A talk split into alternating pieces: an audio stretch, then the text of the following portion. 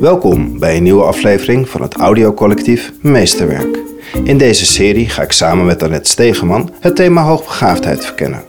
Dit is wat er uitkomt. Het kind denkt structureel de andere kant op. Daar kunnen we over blijven zeuren. Hij doet het niet met opzet. Dit is wie hij is. Dus ga je hem de hele tijd vertellen je doet het verkeerd? Of ga je een manier zoeken dat het kind met je mee kan? Dat hij zich gehoord, gezien en gewaardeerd voelt.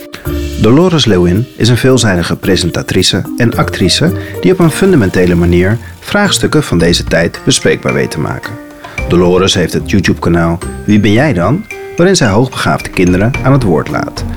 Dolores beluistert wat deze jongeren drijft, wie ze zijn, wat ze nodig hebben en hoe zij ontwikkelingen in de wereld bezien. Maar laten we dan niet doen alsof één persoon die voor de klas staat alles weet en dat, dat één leerweg de beste is. Er is niet één beste leerweg. Dus ik vind dat er in het onderwijs nog heel veel te halen valt. Ook aan het hele systeem. Niet eens alleen aan de leerkracht, maar het hele systeem. Mijn naam is Janja Hubeek. Dit is Meesterwerk. Welkom Dolores in de podcast. Ja, spannend. Leuk. Ja, vind ik ook. Wij zitten bij jou. Maar wie ben jij? Ik ben er nog niet helemaal achter. Nee? Ehm, ik ben Dolores. Ik heb wel eens eh, dagvoorzitterschappen gedaan en dan eh, vraagt de opdrachtgever: eh, we gaan iets naar buiten brengen en vertellen dat jij dagvoorzitterschap doet.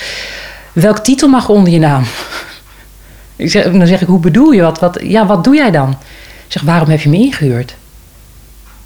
Oh ja, dan wordt het stil en dan is oh ja, ja. Ik zeg: zeg maar gewoon Dolores Lewin neer, want volgens mij heb je me daarom ingehuurd. Ik weet het niet. Het enige wat ik weet is wat ik doe en wat dat, wie ik dan ben, dat is Dolores. En wat geeft jou energie in wie jij bent? Eh, mensen, muziek, eten, erg fijn. Eh, lopen, ehm, ontdekken. Ja, en heeft dat dan ook link met, met het thema waar we vandaag jou over gaan vragen? Want jij bent hoogbegaafd. hè? Het is uitgekomen op een bijzondere manier. Het is misschien mooi om nog even te vertellen eh, aan de mensen die dat niet weten. Nou, ehm, in 2012 werd ik eh, ge- gevraagd door een vriend van mij, producer. En die vroeg of ik mee wilde doen aan de IQ-test van BNN. En ik dacht, ja, leuk, gezellig. En toen ging ik, ik werkte toen voor het klokhuis, ja, wist ik veel. Ik werkte toen voor het klokhuis en ik vertelde tegen mijn collega's, ook ga meedoen met de IQ-test. Waarop mijn collega's zeiden, "Ah, dat jij dat durft. En toen dacht ik, oh shit, waar heb ik nou weer ja tegen gezegd? En toen ben ik het op gaan zoeken en toen dacht ik, ja, er kijken heel veel mensen naar. Als ik hier op nat ga, dan hebben 4 miljoen Nederlanders dat gezien. En toen op een gegeven moment dacht ik, ja, weet je Dol, je hebt gewoon een HBO-diploma. Dom ben je niet. Stel dat je op 100 uitkomt, mooi, prima. Dus ik was eigenlijk super chill. En Annemarie, Annemarie van Gaal, die zat achter mij. En ik dacht, die zit bij Mensa, dus ik ben safe, ik hoef niks meer te doen. Zij gaat winnen. Dus ik zat heel relaxed en de vragen werden gesteld. En op een gegeven moment kwam de puntentelling en de antwoorden. En ik had drie fouten. Ik denk, hm, nou, dan zal Annemarie er maar één hebben. Ik zat maar met die Annemarie. Dat was, zij was mijn referentie. En toen uiteindelijk nou, gingen ze de puntentelling doen. En toen waren er vier over. En toen was ik over met Bibi Breiman. Die zat naast mij. Dus wij dachten echt... En toen zeiden ze met het hoogste IQ ooit gemeten, 159, Dolores Lewin. En ik dacht, hè? De middelbare school was namelijk verschrikkelijk. En een vriendin van mij die zat in het publiek en die riep... Zie je wel, je bent wel een nerd. maar toen ben ik gaan uitzoeken... Maar- maar wat betekent dit dan eigenlijk? Want 159, dat is best intelligent. Maar ik voelde mij helemaal niet intelligent. Ik heb heel hard moeten werken voor alles. En ik had, ik had maar het idee... Als je dan heel slim bent, dan ben je heel goed in wiskunde. Want ja, dat werd op school ook een beetje meegegeven. En toen ben ik dat uit gaan zoeken. En toen kwam ik erachter dat hoogbegaafdheid eh, eigenlijk niet zozeer zit in hoe goed kun je leren. Maar het zit in hoe snel schakel je. En eh, helikopterview en dingen snel doorhebben. Eh, Dus het zat helemaal niet in een bepaalde manier van leren. En als je met dat eh, retro-perspectief kijkt, Ja. met dat weten dat je dus snel kan schakelen en je kijkt dan terug Mhm. naar hoe je gevormd bent, wat zie je dan? Snap je dan dingen? Kwamen er dingen bij elkaar? Ehm, ik snapte wel waarom, waarom mensen me bij de hand vonden. Omdat ik sneller schakelde, kwam ik ook sneller tot een bepaalde conclusie. En in mijn beleving dacht iedereen zoals ik. Dus als iemand dan daar nog niet bij conclu- conclusie was, dacht ik, nou, dat snap je toch, dat is toch logisch? Dat was voor mij compleet logisch. Niet doorhemde dat ik die odd one out was. En op een bepaald moment voelde ik wel dat ik niet paste. Dus ik ging me terugtrekken. Ik ging boeken lezen, in mijn, in mijn eentje zitten, dingen uitzoeken die ik interessant vond. Want ik had soms gewoon geen zin om me aan te passen. Ja, ik snapte inderdaad waarom sommige mensen me bij de hand vonden. Ik snapte ook ineens waarom ik school niet snapte omdat ik zo kijk, dus van bovenaf en verbanden zie. Dus als ik vanaf de zijkant er tegenaan ga zitten kijken, dan zie ik onderdelen. Dan zie ik het, dan zie ik het verband niet meer. En dan snap ik niet meer waar ik naar zit te kijken. Eh, dus ik begreep ook waarom ik school niet snapte. Want daar wordt alles uit elkaar getrokken en los van elkaar beredeneerd. Terwijl als ik zeg maar de samenhang zie en ik denk, oh, maar dat wil ik weten. Dat, dat ene puntje daar in het midden, ga ik uitzoeken wat dat puntje daar in het midden is. Maar op school krijg je A, B en C, lig ik al in komen van verveling. En bij Z weet ik niet eens meer waar je het over hebt. Dus ik, ik kan heel makkelijk, als ik een script had van het klokhuis en ik, ik wist waar het over ging, dan kon ik het script weggooien. En dan begonnen we bij onderdeel B en dan ging ik naar A en dan ging ik naar Z. Want ik wist waar ik naartoe ging en ik wist waar ik vandaan kwam. Maar als ik die rode draad niet snap, gebeurt er helemaal niks. En, en je zegt van, ik ging me terugtrekken. Dus wa- wa- wat voor kind werd jij op school? Hoe uitte dat zich op de, op de basisschool? Nou, op de, op de basisschool, eh, ik vond, de kleuterschool vond ik heel lastig. Want ik, ik, ik, ik weet nog dat ik, ik zat vaak alleen. Ik snapte kinderen ook niet zo goed, hè, achteraf gezien. Hè. En op een bepaald moment had ik door wat er van me werd verwacht. Dus ik kon me heel goed aanpassen. Want ja, ik kan wel in mijn eentje naar rechts zitten kijken... terwijl de, rechts naar links, de rest naar links zit te kijken. En dan zit ik in mijn eentje naar rechts te kijken. En niemand bevestigt dat dat ook een goed uitgangspunt is. En, en op een bepaald moment... Ik, ik had ook eigenlijk al vrienden... Ehm, maar ik trok altijd mijn eigen plan. Ik, trok altijd, ik, ik voelde dat het nooit helemaal. Ik moest altijd ergens aanpassen, wilde er iets gebeuren. En wilde dat gaan. En wilde dat lopen, dat soepel lopen. Het ging nooit soepel. Er was altijd iets. En wat deed dat met het contact met jou en de leerkracht? Ehm, met mijn leerkracht had ik eigenlijk geen problemen. Nee. Omdat ik ook... Ik was ook geen, geen ruziezoeker. Op de lagere school was het wel dat ik mijn vinger naar beneden moest doen... en geen vragen meer moest stellen en minder moest praten. Waarom? Omdat ik heel veel sprak blijkbaar met iedereen en alles wilde alles weten. Maar waarom doe je dat zo? En omdat ik dingen ook snel door had, was, het ook, eh, was ik ook snel klaar. En dan ging ik wat anders doen. Ging mensen helpen en uitleggen. Ook als ze er niet om vroegen. Je bent geen leerkracht geworden. Ja, maar dat, dat leerkracht is voor mij ook weer te, te, te A, B, C, D, E-erig. En het klokhuis mocht je gewoon... Dat, dan was er een vraag en dat ging je uitzoeken. Dus dan mocht je beginnen waar je wilde. Vanuit dat was leuk. Ja. Dan kwam er een vraag van iemand van buiten en dacht je, oh, dat is interessant. En dan ging de redactie ging dat uitzoeken. Dus het was maar een onderdeel van een heel groot geheel. Ja. En dan mocht ik er helemaal induiken. Dat vond ik leuk. En heeft het, heeft het iets in jouw manier van presenteren of in ieder geval klokhuis neerzetten? eh, heeft het iets veranderd toen jij wist ik ben hoogbegaafd? Nee, want toen ik bij het klokhuis begon, eh, toen waren er volgens mij acht regisseurs. En die wilden allemaal wat anders. Want elke regisseur was zijn of haar manier van werken. Dat was voor hun natuurlijk de manier van werken. En, maar als je met acht verschillende mensen werkt en die hebben allemaal hun eigen manier van werken. En je bent niet bij jezelf, heb je een probleem. Want dan ga je met, zoals de wind waait, waait meer. Als je ben je overal, behalve bij jezelf. Dus ik stond nergens in mijn kracht. Tot na twee jaar eh, er- een één regisseur, Richard Vierberg, ik weet het nog, hij zegt: Dol, ik ga het gewoon tegen je zeggen, want dit gaat niet goed. Je moet je eigen plan gaan trekken, want je wordt overal zenuwachtig van. Je, je, je komt niet. Hij zegt: En ik heb jou gezien met je screentest. Ik weet dat jij dit kan. Ik weet, ik heb jou gezien. En toen ging ik. Weekend daarna, ik kwam die dag, die maandag daarna, ging ik met de andere regisseur werken. Die zei een halve dag: Zo, assertiviteitstraining gedaan dit weekend? Maar je merkte het dus gelijk. Maar omdat ik me zo goed kan aanpassen, deed ik dat ook. Niet doorhemmen dat ik mezelf daarin totaal verloor. Dus ik had mezelf, ik had mezelf al. Ik mocht bij het klokhuis juist mezelf doen. En allerlei vragen stellen. Dus toen ik die IQ-test won, eh, toen dacht ik, oh ja, misschien is, het, is dat ook, die hoogbegaafdheid ook de reden waarom ik dit zo leuk vind. En waarom ik ook, als je een script kreeg, ik halverwege dacht, hmm, er klopt iets niet, maar ik weet niet precies. Ik kon mijn vinger er niet achter krijgen. En dan hadden we die draaidag met de deskundigen en die zeiden, oh, maar dat klopt niet. Toen dacht ik, yes. had ik het toch goed gezien. dus ik toch niet weer dat zeikwijf. Ik had het gewoon, niet omdat ik gelijk wilde hebben, maar ik dacht, oh, dan heb ik het toch goed gezien. Maar er werd vaak neergezet, toen niet zo moeilijk, weet je wel. Niet bij het klokhuis, specifiek, maar wel op andere punten. Doe niet zo moeilijk, het staat er gewoon, doe gewoon wat je gezegd wordt. Hielp, het hielp het je om te weten, ik ben hoogbegaafd en daarom reageer ik zoals ik kan. Ik had eindelijk een bevestiging dat wat ik deed, dat ik echt anders was. Want alles wat ik voelde, had, dat, was, dat was dus gewoon echt zo. En het klopte dus ook uh, dat ik niet zoveel gelijkgestemden om me heen had, waaraan ik mezelf kon toetsen. Dus het was voor mij echt een bevestiging. Oh, je bent wel anders en het is oké. want er is zelfs een naam voor. En het betekent ook dat je heel slim bent. Dus ik was helemaal niet dom. Dat was voor mij, ik voelde me zo dom. Ik voelde me zo dom. Ik hoor van zoveel hoogbegaafden dat ze zich zo dom voelen. Ik voelde me zo dom. En um, dus dat was voor mij echt een, um, ja, ik was er heel blij mee. Ik was er heel blij mee. Ineens kon ook alles. Ik kreeg ook ineens opdrachten waarvan ik dacht: ik heb geen idee waar jij het over hebt. Maar als je me dat wil betalen, fijn. Prima. Betaal me maar naar mijn IQ. Ja. maar vervolgens ging ik wel uitzoeken van: oké, dat snap ik niet, maar dat snap ik wel. Ik focus me gewoon daarop. Werkt altijd. Fantastisch. Ja.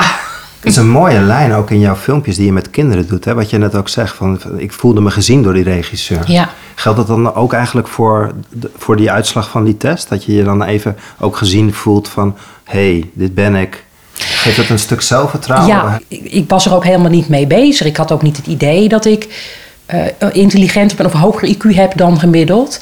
Dus ik was er helemaal niet mee bezig. Dus toen dat werd uitgesproken, dacht ik echt... hè? Maar hè? Waar, waar gaat dit over? Zit ik wel in het goede programma? Waar gaat dit over? Ik was echt flabbergasted. Ja, het was, het was voor mij... Mijn moeder, die, mijn moeder, die zat thuis op de bank. Mijn moeder was, is kort daarna overleden. Die was heel lang ziek. En die zat thuis op de bank. En ik kwam de volgende dag bij haar. En ze zei alleen maar... Wist ik toch. Dus die had altijd wel door van... Jij bent anders dan gemiddeld. Maar ze wist niet wat ze ermee moest. Ze dacht, hoe ga ik dit kind nou begeleid. Ik snap niet eens waar ze het over heeft. Niet omdat ze dom was, maar omdat ik echt zo anders schakelde en dingen zo snel door had en zo snel mijn vinger achter dingen kon krijgen waarvan zij zei: Je moet niet zo snel een oordeel vellen. Want op een gegeven moment wordt het ook een oordeel. Als je je niet gehoord en gezien wordt. Ik werd steeds, ging er steeds harder in. Want ik dacht, ja, hallo, je komt toch niet uit een ei, je ziet het toch niet? En achteraf dacht ik, oeps, dat zagen ze niet. Dat was wel heel, dat was wel heel arrogant. Maar als mensen heel lang op je rem staan, bij mij, gevoelsmatig. Ik werd er vervelend van. Dan dacht ik, voel het toch? Ik zie toch wat hier gebeurt? En meestal was ik ook op een werk degene die zei: Oké, zullen we het dan gewoon erover hebben? Want ik zie dit en dit en dit gebeuren. En dan zag je eruit, eindelijk iemand die het uitspreekt. En dan denk ik, maar je ziet het toch ook? We zitten er al vijf minuten in. Ja, ja, Ik, ik zit hier en ik zie al waar jij naartoe gaat. En dan een uur later denk je: hé, we zijn er. Nou. Dus het, ja, het was voor mij echt een. Ineens werden een aantal dingen legitiem.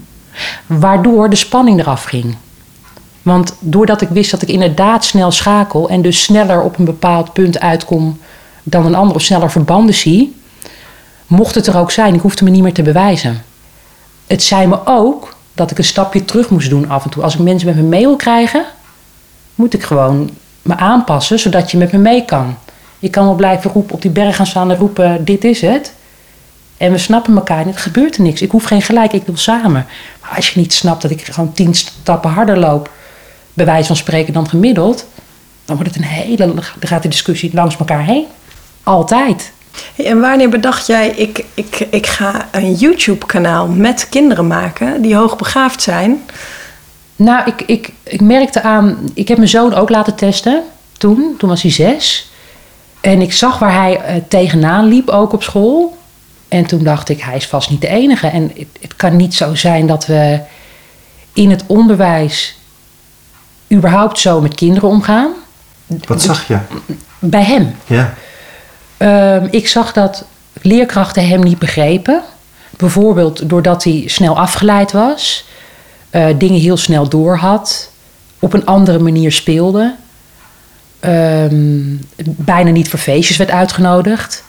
Dingen, doordat hij dingen snel zag en ze ook benoemde, ja, toen is het moeilijk. Eh, maar hij kreeg nergens de bevestiging van, oh, maar daar ben je wel goed in. Of, hey Vince, ik heb gezien dat je dat en dat kan. En doordat ik op hem ging letten, hoe ze met hem omgingen, dacht ik, maar ze doen het eigenlijk bij geen enkel kind. Het is allemaal dit gaan we doen. En als jij hier niet goed in bent, dat was het. Als jij hier niet goed in bent, dan geven we jou een rugzak. En van nu af ben jij een onmogelijkheid. Je bent geen mogelijkheid meer, want je past niet in het malletje. Dus je krijgt een rugzak en dan gaan aan jou sleutelen totdat je wel in het malletje past. En dan kun je meedoen. Maar je gaat wel doen wat wij willen. En ik dacht, dus het kind moet tot zijn achttiende naar school. Zonder diploma komt hij niet van school af. Dit gaat hij niet redden tot zijn achttiende. Wat zag je bij je kind gebeuren? Nou, hij, ja, je kan, hij komt tot een bepaald punt mee. En op een gegeven moment gaat dat gewoon niet meer. Op een gegeven moment, hij ging zich onwijs aanpassen. Tot eigenlijk, nou, halverwege afgelopen jaar, toen, uh, toen corona uitbrak. Toen kwamen ze natuurlijk allemaal thuis te zitten. En dan hoefde hij zich ineens niet meer te conformeren aan de groep om zich heen. En toen kwam omhoog dat hij ja, best wel vaak alleen zat. En dat hij ook zei van ja, ik word ook bijna nooit voor iets uitgenodigd. En uh, ja, dat vond hij heel moeilijk. En toen moest ik echt met hem gaan praten van er is niks mis met jou. Alleen het ding is, als jij rood bent en die andere is groen... dan kan je echt lullen tot je blauw ziet. Maar je gaat elkaar niet begrijpen. En je, en, en je kan er ook nog eens keer niemand de schuld van geven. Want je hoort elkaar gewoon niet. Dus moet jij weten wie jij bent.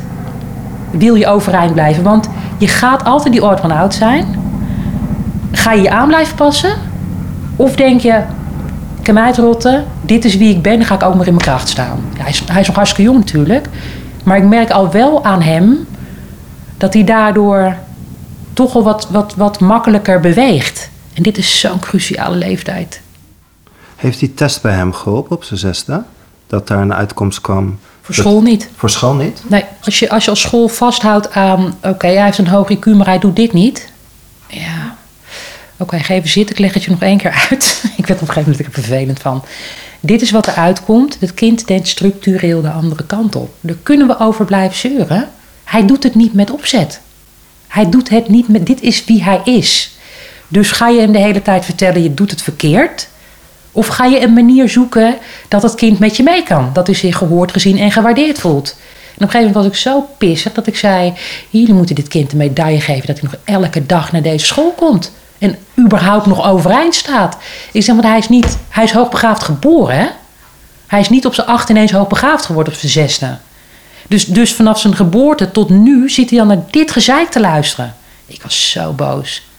Nou, ik ging helemaal uit mijn stekker, want ik was al twee jaar met ze bezig. Ik had een test gedaan, ik had ze de uitslagen gegeven. Ze wilden met een, uh, met een orthopedagoog aan de gang. Ik zei, nou, alleen als ze, als ze gespecialiseerd in hoogbegaafde kinderen. Ik zeg, anders doe ik het niet. Anders ben ik het weer aan het uitleggen. Zeg, want je snapt gewoon echt niet waar je naar zit te kijken. En ik kan het je ook niet kwalijk nemen, want je bent zelf niet hoogbegaafd. Dus je snapt ook niet helemaal wat er gebeurt. Dat geeft ook niet.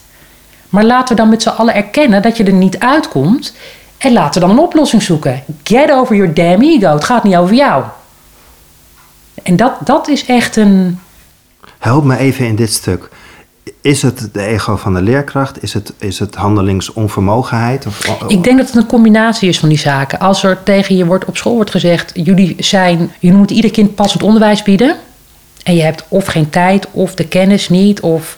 En, en, en zonder oordeel, hè? Mhm. Dan snap ik dat je in een kramp kan schieten. Maar zeg dan, en, maar dat, dat misschien ga ik, ben ik weer te snel weer in. Zeg dan, ik snap niet waar ik naar zit te kijken. Laten we er iemand bij halen. Ik, ik, ik vond en vind nog steeds dat ik te snel weg word gezet als een zeikert. Of hier doen we dat niet op school zo. Of, dat is wel zo, maar wat gaan we dan doen? Want nee, kan niet. Of we gaan niks doen. Is gewoon geen optie. Niet in mijn ogen. Het is niet denken in mogelijkheden. Het is niet denken in mogelijkheden. Het is denken in onmogelijkheden. En nogmaals, ik snap dat het druk is en ik snap dat je niet. Maar laten we dan een. En dat, dat, dat heeft ook te maken met het schoolsysteem. Laten we dan een, een constructie bedenken waar je zegt: Nou, ik kan deze, deze persoon. Uh, hoogbegaafd, laagbegaafd, dyslectisch, weet ik welk, welk stempel je eraan wil geven. Kunnen we niet helpen? Laten we een professional erbij betrekken. Opgelost. En laten we er ook niet zo'n gedoe van maken. Want als ik zeg, mijn kind is hoogbegaafd, ja, dat is wel moeilijk, hè? Nee. Laten we dat niet als uitgangspunt nemen, alsjeblieft. Want dan hebben we een heel ander gesprek. Nou leiden wij leraar op. Wat, wat, wat is je boodschap aan ons? Wat moeten wij doen Om de leraren hierin wakker te krijgen. Wat zou helpen is uh, misschien meer met ervaringsdeskundigen aan de slag gaan. Nou, wat jullie nu doen is ook te gek. Dat je, dat je dit soort um, uh, podcasts maakt, zodat mensen ook kunnen horen hoe hoogbegaafdheid er in de praktijk uitziet. En met ervaringsdeskundigen uh, misschien laten sparren, zodat je ervaart hoe, hoe dat anders, zien, uh, anders zijn er in de praktijk uitziet. Want als, als ik een perceptie heb van de kleur blauw en jij hebt een perceptie van de kleur blauw, en we hebben het er daar niet over, of we gaan niet, dan we gaan elkaar nooit helemaal begrijpen. Maar als wij met elkaar in gesprek gaan en ik laat jou mijn perceptie van de kleur blauw zien, dan heb je misschien zoiets van, oh ja, ik snap het nog niet helemaal, maar ik, ik merk dat jij er anders naar kijkt. Al komt er alleen maar bij je op, laat ik even vragen wat hij of zij ermee bedoelt. Of wat heb je precies nodig? En als je niet snapt dat je zegt, ik snap echt niet waar jij het over hebt, maar ik haal er iemand bij die het wel snapt. Dat is alles. Want dan voelt het kind zich gezien en gehoord en vooral serieus genomen. Want toen Vince getest werd, werd hem een vraag gesteld waarvan ik dacht, kind is serieus? En hij gaf zo gedetailleerd antwoord, echt een hele technische vraag, zo gedetailleerd antwoord. Ik zei, Vince, hoe weet jij dat? Zei hij, weet je toch gewoon? Maar niet, niet opscheppen, gewoon weet je toch gewoon. En toen dacht ik, stel nou dat zij die vraag niet gesteld had, dan hadden wij niet geweten wat er in zijn hoofd zat. Maar wat ik nog belangrijker vind, hij had niet geweten dat wat in zijn hoofd zit er wel toe doet. En die vond ik zo heftig. Want heel veel gaat verloren doordat bepaalde vragen niet gesteld worden. Wat je misschien ook niet kan weten, geeft ook niet. Maar laten we dan niet doen alsof één persoon die voor de klas staat alles weet. En dat één leerweg de beste is. Er is niet één beste leerweg. Dus ik vind dat er in het onderwijs nog heel veel te halen valt. Ook aan het hele systeem. Niet eens alleen aan de leerkracht, maar het hele systeem. Mag van mij echt op de schop. Ik hoor je ook echt heel erg zeggen: bewustwording, samenwerking met elkaar in plaats van over elkaar. Hè? Dat heb je volgens mij ook veel ervaren. Wat ik wel mooi vind, eh, je achternaam zeggen. Ja. Je bent echt als een leeuw in erin gegaan ah. voor je zoon. Nou ja, en, en ik, ik, ja, ik kan me ook heel goed voorstellen hoe dat is. Als je, je, je voelt je gewoon echt niet begrepen. En dan ga je vechten. Al helemaal als je zelf ook niet die kans hebt gekregen die, die je zo graag voor je zoon wil. En, ja, en ook omdat ik denk, nou heb ik een stem. Ik weet wat ik moet vragen of wat ik moet zeggen. Maar er zijn ook ouders die het misschien eh, niet goed weten of niet meer weten, omdat ze al zo lang bezig zijn en zwaar gefrustreerd raken. Er zijn gewoon kinderen die thuis zitten en zelfmoord willen plegen omdat ze zich niet gehoord en niet die denken: moet ik dit mijn hele leven gaan doen? Echt waar? Nou, dan wil ik nu dood. Ik kom niet eens aan mezelf toe. En dan, dan kan er wel gezegd worden: ja, maar het zijn, het zijn er niet een paar. Het zijn, weet je hoeveel kinderen bezig zijn om gewoon aan te passen of om maar niet gezien te worden? Want, want anders moet ik uit gaan leggen wie ik ben en dan vindt iedereen wat van. We vinden ook zoveel van elkaar. En je zegt net die stem, hè, van die, die, die uh, stem van de ouder. Maar jij, eigenlijk in jouw YouTube-kanaal geef jij de stem aan, ja. aan het kind. Ja. Um, wat gebeurt er met, met die filmpjes, met dat kanaal? Wie luistert daarnaar? Wat krijg je daar? Of wie kijkt ernaar? Wat voor reacties krijg je? Um, ik krijg heel veel reacties van, um, ja, van kinderen, maar ook van studenten. Ook van ouders, ook van uh, uh, lerarenopleidingen die, die die filmpjes uh, soms gebruiken in hun, in hun les om te laten zien. Ook van kinderen die het op school laten zien van dit ben ik, dit, dit, zij legt het goed uit. Of die, die persoon in het filmpje legt het goed uit. Dus het, het, het schept heel veel duidelijkheid. En het grappige is ook, als ik met de mensen in gesprek ga... Er zit ook een filmpje bij van Erik. Als ik met hem in gesprek ga, zegt hij echt... Oh, zo had ik het nooit bekeken. Dat was zo tof. Dus ze gaat over en weer gaan de lampjes aan. We zijn er gewoon nog niet achter wat het nou, waar het nou precies in zit. En nogmaals, dat hoeft ook niet. Als je maar moeite doet om een kind te horen en te zien en ruimte geeft om te ontdekken, is er niks aan de hand. Je hoeft niet de wijsheid in pacht, want waarschijnlijk komen er over tien jaar achter. Oh, misschien was dat niet zo handig. Of we kunnen dit ook zo aanpakken. Maar als jij je gehoord en gezien voelt, maakt het allemaal geen bal uit. Daar ben ik echt van overtuigd. Had ik het maar geweten zoveel jaar geleden. Wat heeft het jou gebracht? Wat hebben die verhalen van die kinderen jou gebracht? Um, het bevestigde heel veel dingen die ik al wist. Ook heel veel dingen die ik nog niet wist. En, en ook dat ik bij mezelf dacht: oh, dat heeft gewoon een naam. Oh, dat doen zij ook. Dat is niet dat is niet iets persoonlijks, dat doen zij ook, dat hoort er dus ook bij. Dus het was voor mij ook een, ehm, een grote ontdekkingsreis in hoe hoogbegaafdheid eruit ziet, hoe het zich kan uiten. Maar ook hoe bijvoorbeeld, ik noem maar wat, faalangst eruit ziet of uitstelgedrag. Of, oh, dat doe ik ook nog steeds. Hardcore. Of dat ik, als ik huiswerk ging maken, dat ik dan uh, had ik, had ik en mijn muziek aan en soms de televisie aan. En alles lag op een manier die ik snapte. En mijn moeder werd er helemaal knettergek van. Dacht, hoe kan jij zo leren? En dacht ik, oh ja, misschien moet ik het dan toch anders gaan doen.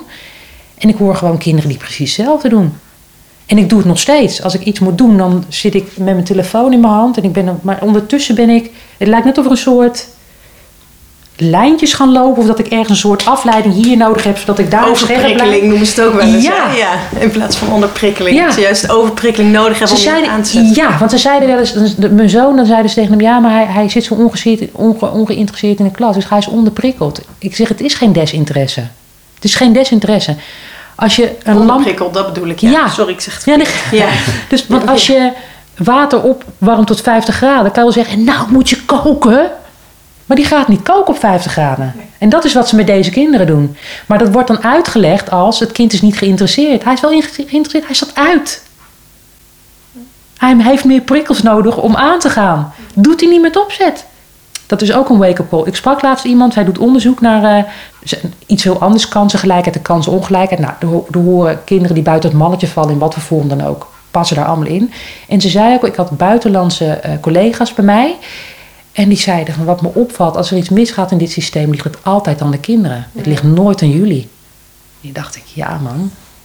En daarmee wil ik niet zeggen dat alle kinderen heilig verklaard zijn, maar laten we ook eens kijken, in plaats van dat we steeds aan die kinderen blijven sleutelen, van wat, wat valt er nog te halen in het onderwijssysteem? Nou, dat, daar voel ik me heel erg bij thuis, bij die, bij die vragen in ieder geval. En dat vind ik ook mooi wat je in je kanaal zoekt. Hè. Je, je wil die kinderen laten zien. Mhm. En ik heb het gevoel dat je, dat je heel erg uh, aan die vorming wil werken, in plaats van uh, aan die kwalificatie, alleen maar aan die kennis, maar echt aan die vorming van die mens. Ik moet ook even denken aan de hele discussie uh, van voor de zomer rond Black Lives Matters. Mm -hmm. Hoe kijken we naar elkaar? Hoe, hoe, als jij naar ons onderwijssysteem kijkt en je wil eigenlijk die vorming van dat kind weer centraal krijgen. Mm -hmm.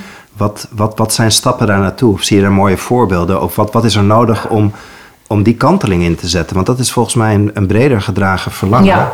Volgens mij staat de hele, de norm en wat het ook in godsnaam mogen zijn, de hele norm staat ter discussie. Ik, zie, ik heb van de zomer um, allerlei ja, brandjes zien ontstaan eigenlijk bij de dingen die niet voldoen aan de norm. Dus ik merk het bij inderdaad nou Black Lives Matter.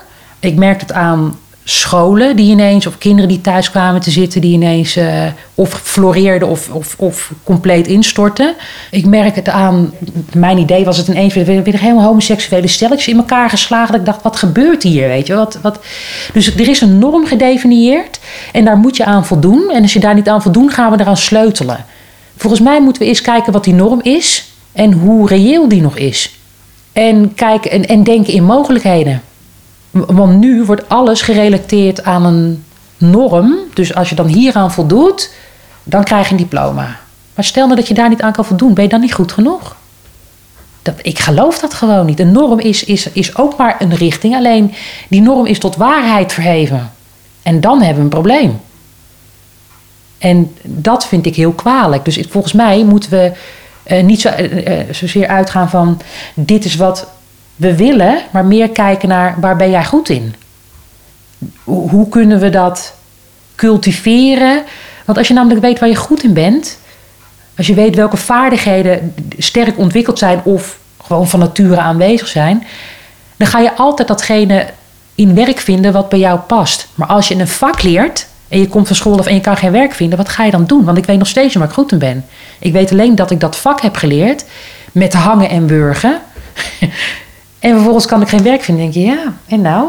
En je kunt van kinderen ook niet op, op hun twaalfde, dertiende vragen wat ze de rest van hun leven willen gaan doen. Je kunt wel al bij kinderen van die leeftijd zien waar ben jij goed in. En als je dat vraagt en dat gaat doen, gaan ze veel harder lopen. En gaat het leren wel lukken. Als je werkgever tegen jou zegt, waar ben je goed in? Top, daar ga ik even voor betalen. Denk je toch ook, hm? ja. echt waar? Vet. Dan ga je stralen. Ja man, 25 uur per dag ga ik voor je werken. Echt waar. Wie zijn jouw inspiratiebronnen op, op weg naar dit eh, in het leven staan op deze manier? Wie hebben jou hierin gevormd? Ja, dat, het klinkt heel corny. Mijn moeder was een hele sterke vrouw. Die, eh, eh, nee, nee, kan niet, was ook geen optie. Eh, mijn vader heeft ook nooit in, in een malletje gepast. Die, die trok ook volledig zijn eigen plan in van alles en nog wat. En ik weet niet of ik me echt op mensen richt. Ehm, omdat ik, ik had niet veel role models, want ik wist helemaal niet waar ik naar zat te kijken. Ik merk wel dat ik op bepaalde uitspraken aanga. Of bepaalde artiesten, dat ik dacht, wow, jij doet echt toffe dingen. En je staat zo... Achteraf stonden die mensen volledig in hun kracht. Dat is wat ik zo mooi vond eraan. Maar dat ik één role model had, Nee, of welke artiesten of welke Prins. uitspraken? Waarom? ja, die, ja, die man was briljant. Ja. Die man, die, die, ja, die was echt... Die, die, die deed dingen op een podium. Die eh, zag er niet uit als een standaard jongetje. Die had een, maling aan normen. Die deed volledig zijn eigen ding. En hij was, als hij, als hij op het podium stond... Hij stond op een gegeven moment in zijn eentje op het podium... En hij, deed, hij pakte alleen gitaar en dan ping. En die, die hele zaal lag plat. Hij deed nog niks. Dacht, "Ah." Hij kon eigenlijk wel weer naar huis, want we hadden anders iets. Ah, we hebben hem gezien. Maar dat vond ik echt een wow, ja. Ik- Het maakte mij ook niet uit wat hij deed, als hij maar gewoon wat deed op het podium. Ik vond hem Hey, echt ik vond één uitspraak van jou zo mooi. Ik durf mezelf te laten zien zoals ik ben en ik richt me op zaken die ik belangrijk vind. Ja, En ik vind het een mooie quote, omdat het, het is eh, congruent met wat je net zei over anderen zien ja. en in het onderwijs te laten zien. Dus het is eigenlijk helemaal geen vraag, het is gewoon een compliment. Oh, dankjewel. Dank je. Ja, maar volgens mij is dat ook het enige waar, wat, wat, ehm, wat werkt. Want als je je continu. ehm, en dat, daarmee bedoel ik niet dat ik geen rekening hou met andere mensen. Maar als ik die kant op wil. En ik voel aan alles dat ik die kant op wil. En je kan niet met me mee. Dan gaan we het niet doen samen. En voorheen had ik nog de neiging. Ja, maar we moeten het toch samen doen. En la la la. Maar hoe meer ik eigenlijk ook. Nu ik ook hoe ouder ik word. Denk ik ja, uiteindelijk sta je toch alleen te doen. Want je, je bent wie je bent. En je, je, en je continu aanpassen aan andere mensen, zodat je maar mee mag doen en erbij hoort. Volgens mij schiet je dan voorbij aan waar je echt goed in bent en wat je echt wil doen. En soms moet, je dan, moet ik dan de keuze maken van ja, misschien moeten we dit dan niet samen doen. Zonder, we hoeven niet lelijk te doen tegen elkaar. Ik ben ik, jij bent jij. En tot hier kunnen we elkaar volgen. En hier gaat het groeien uit elkaar. Nou, is ook een conclusie. Dus ik ga ook niet meer aan mensen trekken. En voorheen dacht ik, nog, oh ja, nee, maar dat is jammer, want we kennen elkaar al zo lang. Ja, het doet mij niet goed en het, doet jou, het is voor jou ook niet goed. Ehm, want je hoort veel hè, dat kinderen, hoogbegaafde kinderen, eh, eh, niet hebben leren leren op school. Heb jij dat ook ervaren? Nu ben je in de coronatijd gestart met iets helemaal nieuws, namelijk Tekenen? tekenen. Ja. Ehm, is dat voor jou dan ook ingewikkeld om te gaan doen? Of ben je inmiddels erachter hoe jij leert? Ik ben er niet achter. hoe- Nou ja, wat ik door heb is dat wanneer ik een vraag heb, ga ik, ga ik uitzoeken wat het antwoord erop is. Maar ik merk dat als ik bijvoorbeeld een, een portret aan het maken ben en ehm, ik, ik begon gewoon en ik denk waar ik, waar ik vastloop, daar ga ik een filmpje over opzoeken. Dus dan, eh, bijvoorbeeld een neus lukt dan niet helemaal goed. Dan ga ik een filmpje zoeken over hoe je dan een neus eh, zou kunnen tekenen. Maar dan moet het wel net op die manier geformuleerd zijn dat ik hoor wat je zegt. Want als ik denk, jij zegt zo, dan door volgende. Totdat ik iemand heb die het op zo'n manier vertelt, waardoor ik het snap. En dan neem ik nog niet eens het hele filmpje, maar net die ene zin. Dus ik ga niet op die hele theorie aan. Ik ga op die ene zin aan, waardoor ik ineens snap, ook moet dat doen. Dus als je me een heel verhaal gaat vertellen, haak ik af. Want ik, het komt niet binnen, ik snap het niet, het is niet interessant, het resoneert niet. En het klinkt echt heel onaardig en zo bedoel ik het echt niet. En op het moment dat ik denk, oh, dat moet ik weten. Dat kan echt één zinnetje zijn in een filmpje van 15 minuten. En dan ga ik weer verder. En dan kan ik weer uren doortekenen. Totdat ik weer tegen iets aanloop van ik denk, oh, dat snap ik niet. En het grappige is, dat is wel bijzonder. Ik merk in dat tekenen dat ik eigenlijk hetzelfde doe als in mijn dagelijks leven. Het is een parallel. Dus ik ben heel snel overgaan op schaduwen. Want als ik namelijk lijntjes ging zetten, dacht ik gelijk, oh nee, dan, dan was het gelijk een rem. Dus dan, als ik een, een, een, contour ging tekenen, was het heel definitief. Er viel niks meer aan te smeren, viel niks meer. Dus ik dacht, ik ga houtskool doen. Maar daar kon je lekker met je vingers erin en iets weggummen. En dan, dan kon je nog eigenlijk boetseren. En ik dacht, dat doe ik eigenlijk ook in het dagelijks leven. Ik ben overal aan het kijken, wat zijn de mogelijkheden? Oh nee, dan gum ik dat uit en dan probeer ik het nog een keer zo. Ik zie heel veel tinten grijs. En een streep is een streep. Einde verhaal. Dan kan ik niks meer aan, aan doen. En dat, dat, is, dat was zo, ik was ermee bezig. Ik denk, oh, dit is gewoon. Dit doe ik in mijn dagelijks leven ook. Heel therapeutisch. Echt, het is één grote therapie, man. Ik vind het briljant wat je zegt. Want ergens is dit natuurlijk precies wat er in het onderwijs gebeurt. Want als jij op de basisschool had moeten portret tekenen... en jij had een heel verhaal gehoord over zo moet je portret tekenen... was jij waarschijnlijk niet gaan portret Maar daarom ben ik ook niet gaan portret tekenen. Dus de, het belang, nou ja, het belang van dat jij kan kiezen waar jij, hè, je hebt een motivatie, Ja. namelijk ik interesseer me daarvoor, Ja. maar op, op welke manier en hoe je je interesseert, dat is dus ongelooflijk persoonlijk. Het is ongelooflijk persoonlijk. Ik heb nu ook tekenles en ik merk soms dat ik denk... Moet ik dit wel doen? Maar er zit, ook een stukje, er zit ook een stukje perfectionisme in. Want dat gaat niet in één keer goed. Nee. Is dat moeilijk? En ik wist niet dat dat zo'n grote rol speelde. Als ik merk dat ik tegenzin krijg... moet ik mezelf eerst afvragen... heb ik tegenzin omdat ik jou niet trek?